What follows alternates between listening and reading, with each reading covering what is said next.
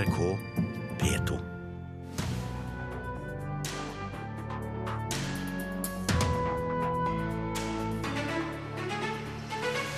Blir 'Kongens nei' Oscar-nominert, regissør Erik Poppe? Vi er en outsider, så dette tror jeg går bra. En fraværende fiskerett kan skape trøbbel for Norge i verdens viktigste kokkekonkurranse, som å fjerne femmila fra OL, mener toppkokk. Og det stormer rundt strømmetjenesten Tidal, rettssak i Norge og oppkjøp i USA. Dette er Kulturnytt. Mitt navn er Stine Tråholt. Velkommen skal du være. I dag så blir det klart om filmen 'Kongens nei' nomineres til Oscar eller ikke. Ni filmer skal i dag bli til fem nominasjoner, og 'Kongens nei' får hard konkurranse av to andre skandinaviske filmer. Kritikerne er usikre på om filmen kommer til å nå helt opp til nominasjon. De har gjort et veldig inntrykk på meg. Jeg tror måske, at det er litt smalt i forhold til øh, amerikanere, som jo er øh, beryktet for å ha et øh, litt abstrakt forhold til europeisk historie og europeisk geografi. Det sier Christian Lindberg, filmredaktør i den danske avisen Berlingske. Han tror filmen 'Kongens nei' kan være for smal til å nå opp til en Oscar-nominasjon. 'Kongens nei' er årets norske Oscar-håp. I kategorien Årets fremmedspråklige film skal nå en kortliste på ni filmer bli til fem, og i dag offentliggjøres nominasjonene. Det amerikanske nettstedet Golderby har samlet dommen til 25 filmkritikere, hvorav to av dem tror 'Kongens nei' kan nå en nominasjon. Og 'Kongens nei' får hard konkurranse, bl.a. fra to andre skandinaviske filmer. Det er forbudt å kjøre biler i det området. Men du kanskje ikke kan lese svenske skyltar? du? Jo, det kan jeg, men er du blind kanskje? Er det jeg som kjører? Den ene er En mann ved navn Ove, en dramakomedie basert på Fredrik Backmans roman med samme navn. Såg du hva gubben gjorde? Hva gjorde du med hunden? Du er vel ingen hund? Små drenger, der råber på deres mor når de blir bange. Den andre, Under sanden, som er en historie basert på virkelige hendelser om tyske krigsfanger som rydder minelagte danske strender. Kom her. Ernst, kom bitte. Tre skandinaviske filmer er altså på vei mot toppen, så la oss høre. Hvilke av filmene har kritikerne størst tro på? Hvis én av disse tre skulle gått videre, hvilken blir det da? Eh, av de tre så syns jeg vel personlig at 'Land of Mine' er den beste filmen. Terje Eidsvåg er filmkritiker i Adresseavisa. Men eh, eh, alle de tre, tre nordiske er faktisk solide filmer som, eh, som eh, godt kan bli nominert. Lige nå tror jeg, at Jesper Christensen i Kongens nei' har de beste sjanser. Det sier Nils Frid Nilsen, kulturkommentator i Danmarks Radio. Og norsk film er på vei frem, ikke minst takket være tv-serien Skam, som hele verden taler om. Tror du at Kongens nei faktisk kan vinne Oscar? Jeg vet at kostymefilm har det altid svært. Der er mange, der ikke kan lide historiske film, og derfor får øh, Håkon den syvende det svært. Men han er bestemt en outsider, og af de øh, nordiske film, jeg ser på lige nu, kunne det meget vel bli ham, øh, der gikk hen og tog den. Reportere Mari Sandmalm og Oddvin Aune. Regissør Erik Poppe, velkommen. Tusen takk. Hvor optimistisk er du selv på vegne av din egen film? Jeg er optimistisk. Det skulle bare mangle. For det første så er vi jo egentlig så utrolig glad for å ha kommet med nå på den aller siste listen, shortlisten, som besto av ni filmer, som i dag skal ned til fem. Så det å, å ha kommet så langt, det er klart det er en seier for alle oss som har laget denne filmen. Og så Men er det jo alltid sånn, så vil man jo ett hakk videre. Ja, og det skjønner jeg godt. Men hvor realistisk er det da å være så optimistisk? Det er jo realistisk. Eh, Det er klart at Vi er jo outsider-filmen som eh, har kommet sist på banen. Vi var den filmen som hadde den seneste nasjonale premieren, altså her i Norge slutten av september. Der de andre hadde sine premierer i fjor, eller tidlig i fjor. Så de har liksom blitt godt etablert der ute. Altså alle, alle de andre kandidatene de er, kjenner folk og har sett der borte. Så vår jobb har nå vært å forsøke å fokusere på å få denne filmen opp på rekordtid med et minimalt av budsjett. Og da, må vi ha jobbet, da har vi jobbet veldig målrettet for å prøve å treffe de folkene som vi kan påvirke. Ja, For det er ikke bare sånn at du har sittet på rumpa og ventet på dagen i dag. Du har jobba ganske hardt. Hvordan foregår dette? Det foregår på, på mange måter, på, på forskjellige måter, for det er forskjellige faser av dette løpet. Nå går vi da inn i det aller siste. Så eh, nå har det vært eh, ti mennesker i London, ti mennesker i New York og 20 mennesker i Los Angeles som har bestemt seg for hvem som nå skal nomineres, som blir offentliggjort i dag. De har faktisk sett alle de ni filmene. Men for å komme hit, så har vi måttet prøve å få så mange folk der ute til å stemme så, med så høye karakterer som mulig på filmen. Og så er det det som gjelder nå på slutten. Nå, nå, hvis vi blir nominert i dag, så, så settes det i gang en utrolig apparat for å på en måte synliggjøre filmen. Du var inne på dette med budsjett. Det har jo mye å si. Er det sånn at de andre skandinaviske eh, filmene også har det lille, smale budsjettet som dere har for 'Kongens nei'? Vet du hva? Um, jeg må si stakkars Filminstituttet, og ikke stakkars oss, men, altså, men, vi har ikke så mye som vi gjerne skulle likt å ha til dette her. Det er klart at Vi ønsker at Kulturdepartementet etter hvert eh, kan se muligheter for at man får gitt noen midler til eh, altså en større lansering. Fordi når vi står overfor de andre nordiske landene, så har vi et lite budsjett. Men det er ikke budsjettet som avgjør, det er til syvende og sist også filmen. Eh, og det har vi sett der borte nå, at når vi viser filmen, så skaper den så store følelser og en så stor overraskelse når vi nå bretter den ut, at vi har reelle grunner til å håpe og tro at vi blir nominert i dag. Hvis Kongens nei er blant de fem, hvilke dører åpnes da? Um, ja, altså Først og fremst så åpnes bare de dørene som vi klarer å åpne selv. Altså Hvis vi nå kan klare å bruke denne nominasjonen med institutt, og vi alle sammen her nå kan klare å få gjort merkevaren norsk film mer synlig ute, ved hjelp av dette, så er det en suksess. Og vi har grunn til å ha den selvtilliten. Vi er så godt etablert der ute nå at det er ikke forskjell mellom en norsk, svensk og dansk film eller øvrige europeiske filmer tiden. Kvalitet, innhold, er på det samme nivået. Så hvis vi bruker denne muligheten, og hvis de politiske kreftene ser dette som en oppgave, så gir de instituttet og bransjen et ekstra klapp på skulderen og så blir vi synlige der ute. Er du enig med den danske kritikeren som sa i innslaget at Skamfeberen kan gi en Oscar-nominasjon? Ja, men se, Skamfeberen er et, eh, altså Skam er jo en fantastisk prosjekt og et eventyr i seg selv. Eh, men bak ethvert eventyr så må man jobbe for å tilrettelegge for at man blir stor, at man blir sett. Så det er, kreves et like stort arbeid. Men som du sier, det påpeker at vi er ute. I de fleste store europeiske byer så kan du se en norsk film nå. Eh, du kan se en norsk TV-serie på de fleste kanaler. Så klart den største kritikken mot, eh, mot det vi gjør, den kommer hjemmefra og ikke ute. Klokken 14 i dag så skjer det. Regissør Erik Poppe, lykke til. Tusen takk.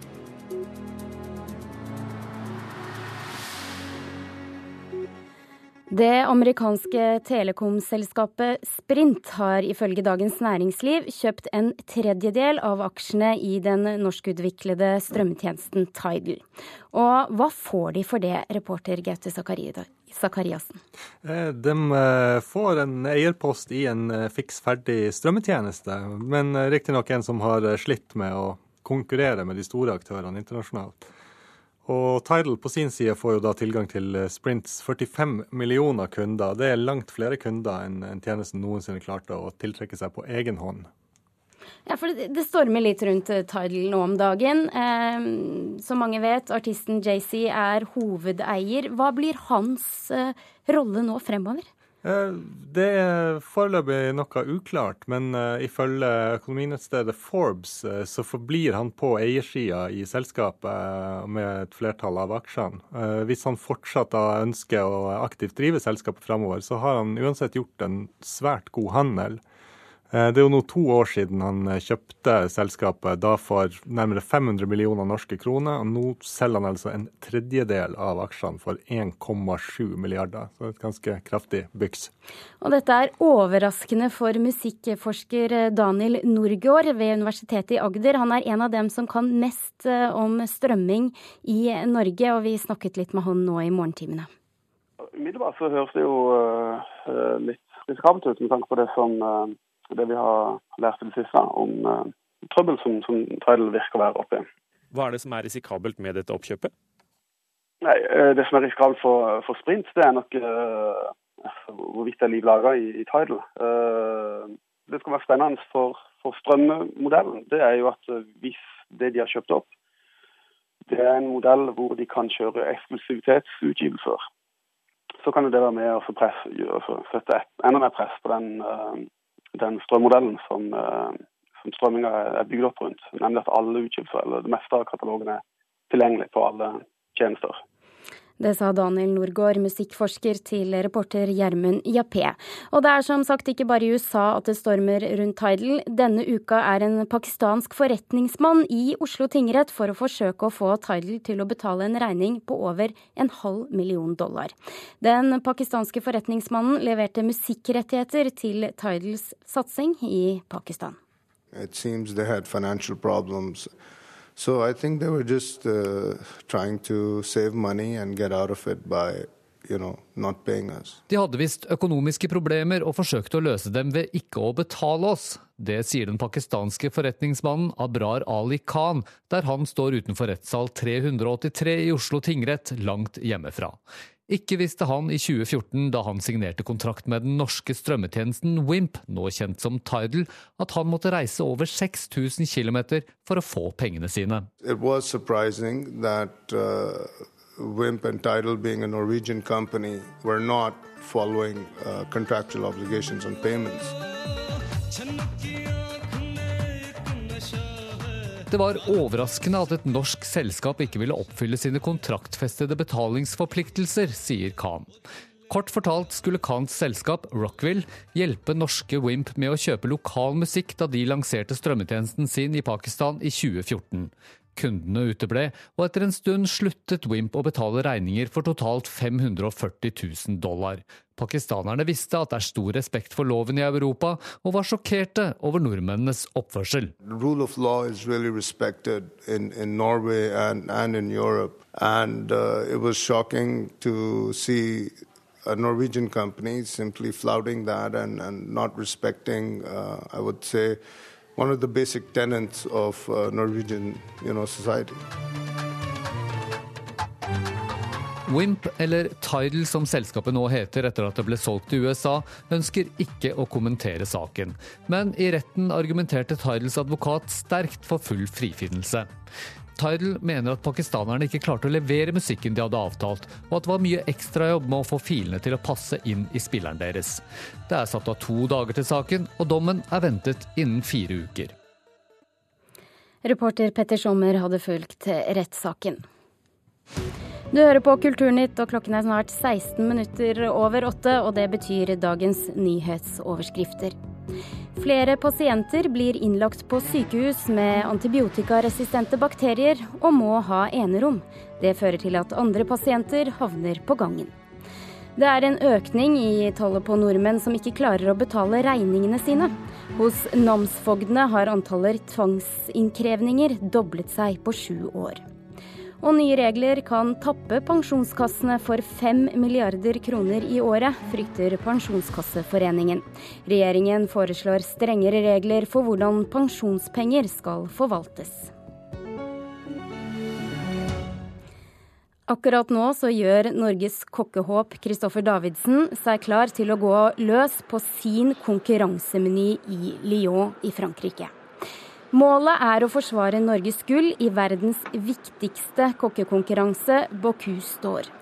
Kokk og tidligere sølvmedaljevinner Tom Viktor Gausdal, du er til stede i Lyon og for å heie fram Davidsen. Hvordan har oppkjøringen vært for ham? Eh, ja, nei, Han har jo hatt et knallhardt løp. Han har jo hatt uh, vanvittig mange treninger og virkelig lagt seg i selene. Så er det noen som er godt forberedt, så er det i hvert fall han. Hva slags sjanser har han eh, i dag?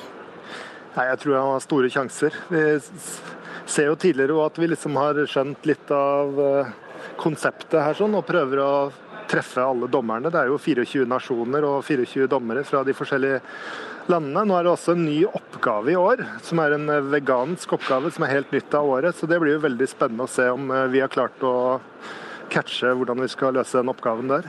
Ja, for det betyr jo at uh, fiskeretten, som uh, Norge har hatt god kontroll på før, er byttet ut, som du sier, med en vegansk rett. Uh, hva betyr det for Davidsen, tror du?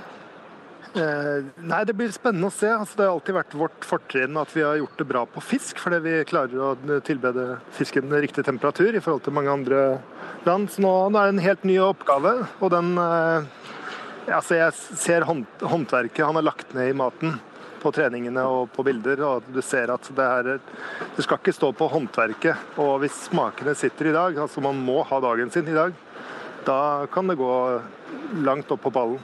Hvorfor gjør arrangørene dette?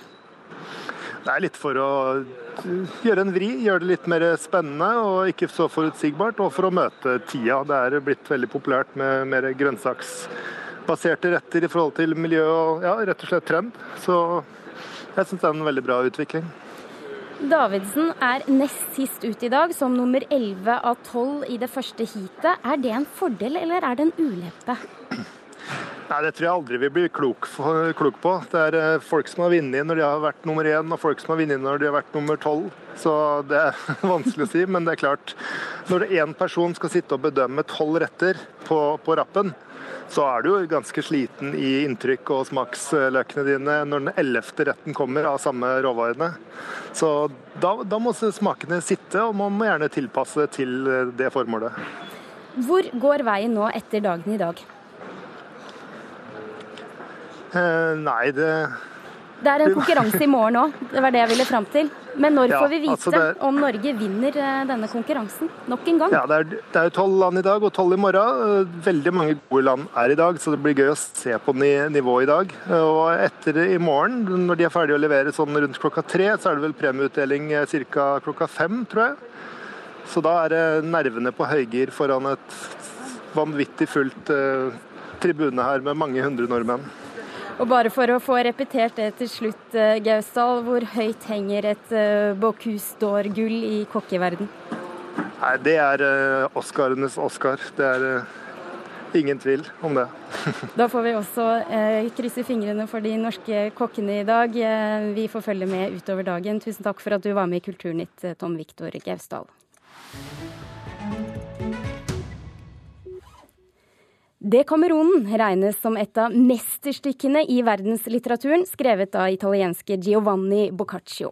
Mat, vin, fest, glede og elskov er hovedingrediensene i novellene, som dateres helt tilbake til 1350. Og i morgen så er Nationaltheatret premiereklare med en teaterversjon med noen av disse fortellingene som ramme. Vi skal høre en liten smakebit på hvordan det kan høres ut fra scenen. Av disse dette er en døv, stum stakkar som kom hit forleden dag og ba om en almisse. Og jeg har tatt meg av ham og satt ham til å utføre arbeid som skulle vært jord. Dersom han forstår seg på hagebruk og vil bli her, så tror jeg nok vi kunne ha stor nytte av ham. Dessuten så er det ingen fare for at han kommer til å sjenere de unge kvinnene deres. Velkommen skuespiller Torbjørn Harr og Marika Edstad. Tusen takk. Ut fra dette klippet så virker det nesten som vi skal eh, langt tilbake i tid også i deres eh, teaterversjon, stemmer det? Eh, ja, akkurat det er mange forskjellige scener som dette stykket består av. Og denne her ga vi litt tilbake i tid i herlig klosterliv, vil jeg si. Ja, ja. Men det er jo klosterliv i Italia den dag i dag, også i Norge, så vi er ikke så tilbake, tilbake i tid, syns jeg. Ganske... Nei, men, vi er tilbake hvor, det var, hvor vi mannfolk hadde den drømmen om å liksom, få lov til å jobbe som gartner i et uh, kvinnekloster. Absolutt. Dere må hjelpe oss litt her nå. Hva slags historier er dette, Marika? Ja, I utgangspunktet så var det Eller boken består jo av 101 historier, eh, som ble ferdigskrevet i 1353, faktisk. Han begynte å skrive på det i 1350. Eh, som eh, spinner ut fra pestens eh, onde. Og så er det ti mennesker som kommer sammen i et vakkert en slags hage for å fortelle andre historier og flykte fra pesten. Vi har valgt syv historier. Vi hadde i utgangspunktet ti, så ble det syv. Mm. Litt bekante og triste. Og, så det er ikke bare det bekante som kommer fra meg i Nonne, eller det som kommer til å skje i Nonne. Eh, men det er begge deler, vil jeg si. Eh, ja. ja. Trist. Eh, basilikumskrukken er trist. Hva er det som gjør disse historiene fascinerende, Torbjørn Haar? Nei, Det som er gøy, er at uh, det er skrevet da i 1353, så var det da Marika? Ja, det, det som var gøy, uh, er at når jeg leste dem, så, liksom på leseprøven så har vi lest historien og så, videre, så er det ganske sånn krasse historier. altså De kritiserer liksom, veldig kraftige maktpersoner og kirken og religionen og kristendommen. Det er liksom ganske harde ting, og snakker mye om sex og ja, altså forskjellige typer sex, liksom. Uh, så jeg var sånn, i all verden kunne man skrive dette her?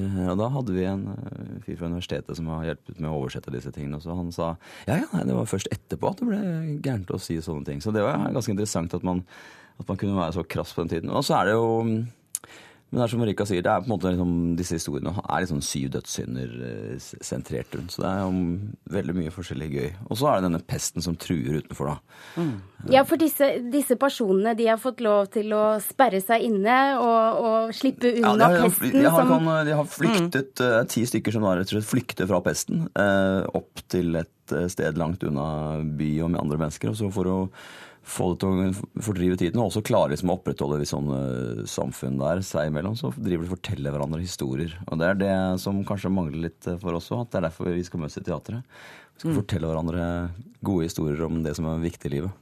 Ja, for hva skjer nå når dere har isolert dere på hovedscenen for å jobbe fram dette stykket? Dere har vært et ensemble på ti. Mm. Ja, vi har jo holdt på i mange dager. Lange dager. Og blitt veldig godt kjent, vil jeg si.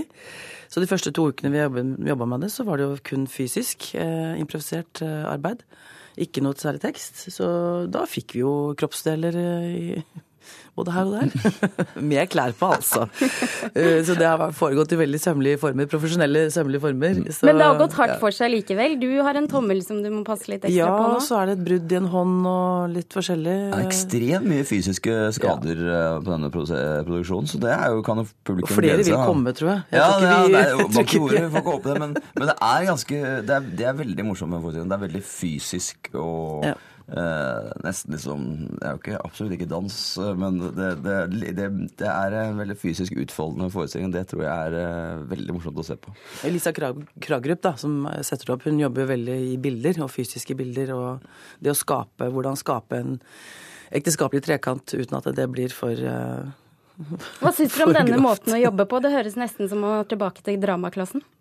Det er litt det. Sånn speiløvelse Ja, det er det. er, eh, men uh, vi håper vi er bedre enn da vi var på dramaklassen. Men, Ja. uh, vi, men det er, det, grunnprinsippene er jo på en måte noe av det samme. Men uh, danske Lisa Kragerup, som er vår regissør, som er stjerne i København på Mm. Det Kongelige Teater, eh, hun har vært helt fantastisk. Så hvis man vil få med seg hva som er hot i København nå, så kan vi Så si kan at vi, vi, så kan vi, si at vi nordmenn prøver oss på det på Nationaltheatret. Og det er premiere i morgen. Yeah. Kan dere nå lene dere tilbake i trygghet om at alt er klart? Ferdig?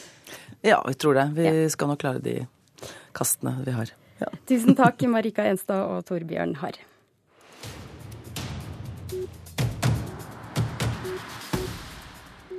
I morgen Nei, i år snakker vi. Fyller Foreningen norske til- tekstilkunstnere 40 år. Som vi har snakket om i Kulturnytt flere ganger, tekstilkunst og kunsthåndverk er inne i en blomstringsfase. Og nettopp det har Nordenfjelske kunstindustrimuseum tatt på alvor med jubileumsutstillingen Fiberfeber. Mona Palle Bjerke, kunstkritiker. Hvorfor er dette en utstilling du syns det er viktig at vi ser? Jeg syns jo dette er et viktig jubileum, og ikke minst som du sier, i en tid hvor det er en så stor fornyet interesse for de tekstile kunstarter som søm og broderi og vev og strikking. Eh, Så det er jo en veldig viktig utstilling eh, å få med seg. Og utstillingen tar oss jo gjennom de forskjellige blomstringsfasene.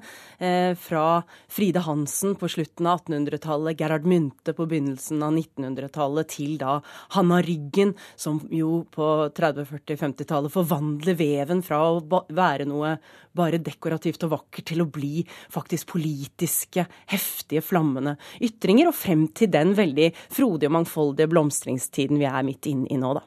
Ja, og er det noen spesielle verk herfra du vil fremheve?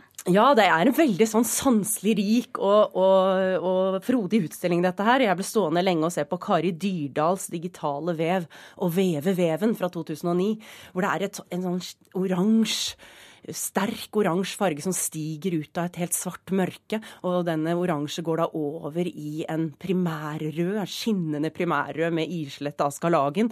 Og ut av, i midten av denne ellers så tette vevede veven, så faller det ut masse tråder, som om veven er i ferd med å gå i oppløsning. Så var det et annet verk av Ingunn O. Myrland som heter Mors tårer, som er mer en installasjon, der det da henger dråpeformede poser fra taket fylt med puffet ris. Og det er veldig interessant, fordi de selene får en til å tenke på kanskje en babybjørn, altså en gigantisk sånn bæresele for babyer. Og da får jeg jo den følelsen av smerten og separasjonsangsten som en mor kan føle når barna kanskje ikke trenger en så mye lenger. Så er det jo sånn at Du har stort sett nå bare nevnt kvinner. Er dette et totalt kvinnedominert felt fremdeles? Det er en bitte bitte liten, vil jeg si. Eller det er en overvekt av kvinner, men det er ikke slik som det ser ut i denne utstillingen. For her er det altså 41 kvinner og to menn. Og en av de mennene, altså Gerhard Mynte, den andre eh, Hans Hamid Rasmussen. Og det eh, er et veldig fortegnet bilde av feltet. For det er mange spennende man mannlige kunstnere i tekstilkunsten. Nå vil ikke jeg være en av dem som sier at ja, dette er blitt så kult fordi gutta driver også med det. Men gutta driver faktisk også med det. Og da hadde det vært veldig fint om, om museet hadde jobbet jobbet litt mer for å få med noen av de mannlige representantene. Men ellers er jo dette en, en utstilling som, som, feirer tekstilkunsten i sin mangfoldighet. Men jeg syns jo dette blir allikevel en veldig stor svakhet, da. Tydelig svakhet her, men likevel er det en eh, severdig utstilling. Helt, helt klart. Så det er en utstilling man bør eh, få med seg. Tusen takk, kunstkritiker her i NRK, Mona Pale Bjerke. I Kulturnytt i dag så har du hørt at regissør Erik Poppe har stor tro på at 'Kongens nei' blir Oscar-nominert. Og en fraværende fiskerett kan skape trøbbel for Norge i verdens viktigste kokkekonkurranse. Det er som å fjerne femmila fra OL, mener toppkokk eh, Tom Viktor Gausdal. Og det stormer rundt strømmetjenesten Tidal. Rettssak i Norge pågår nå, og oppkjøp i USA. Gjermund Jappé har eh, vært produsent for denne sendingen. Nå venter snart eh, Dagsnytt her i NRK P2 og Alltid nyheter. Og du kan eh, få flere nyheter og kulturnyheter på nrk.no kultur. Hør flere podkaster på nrk.no podkast.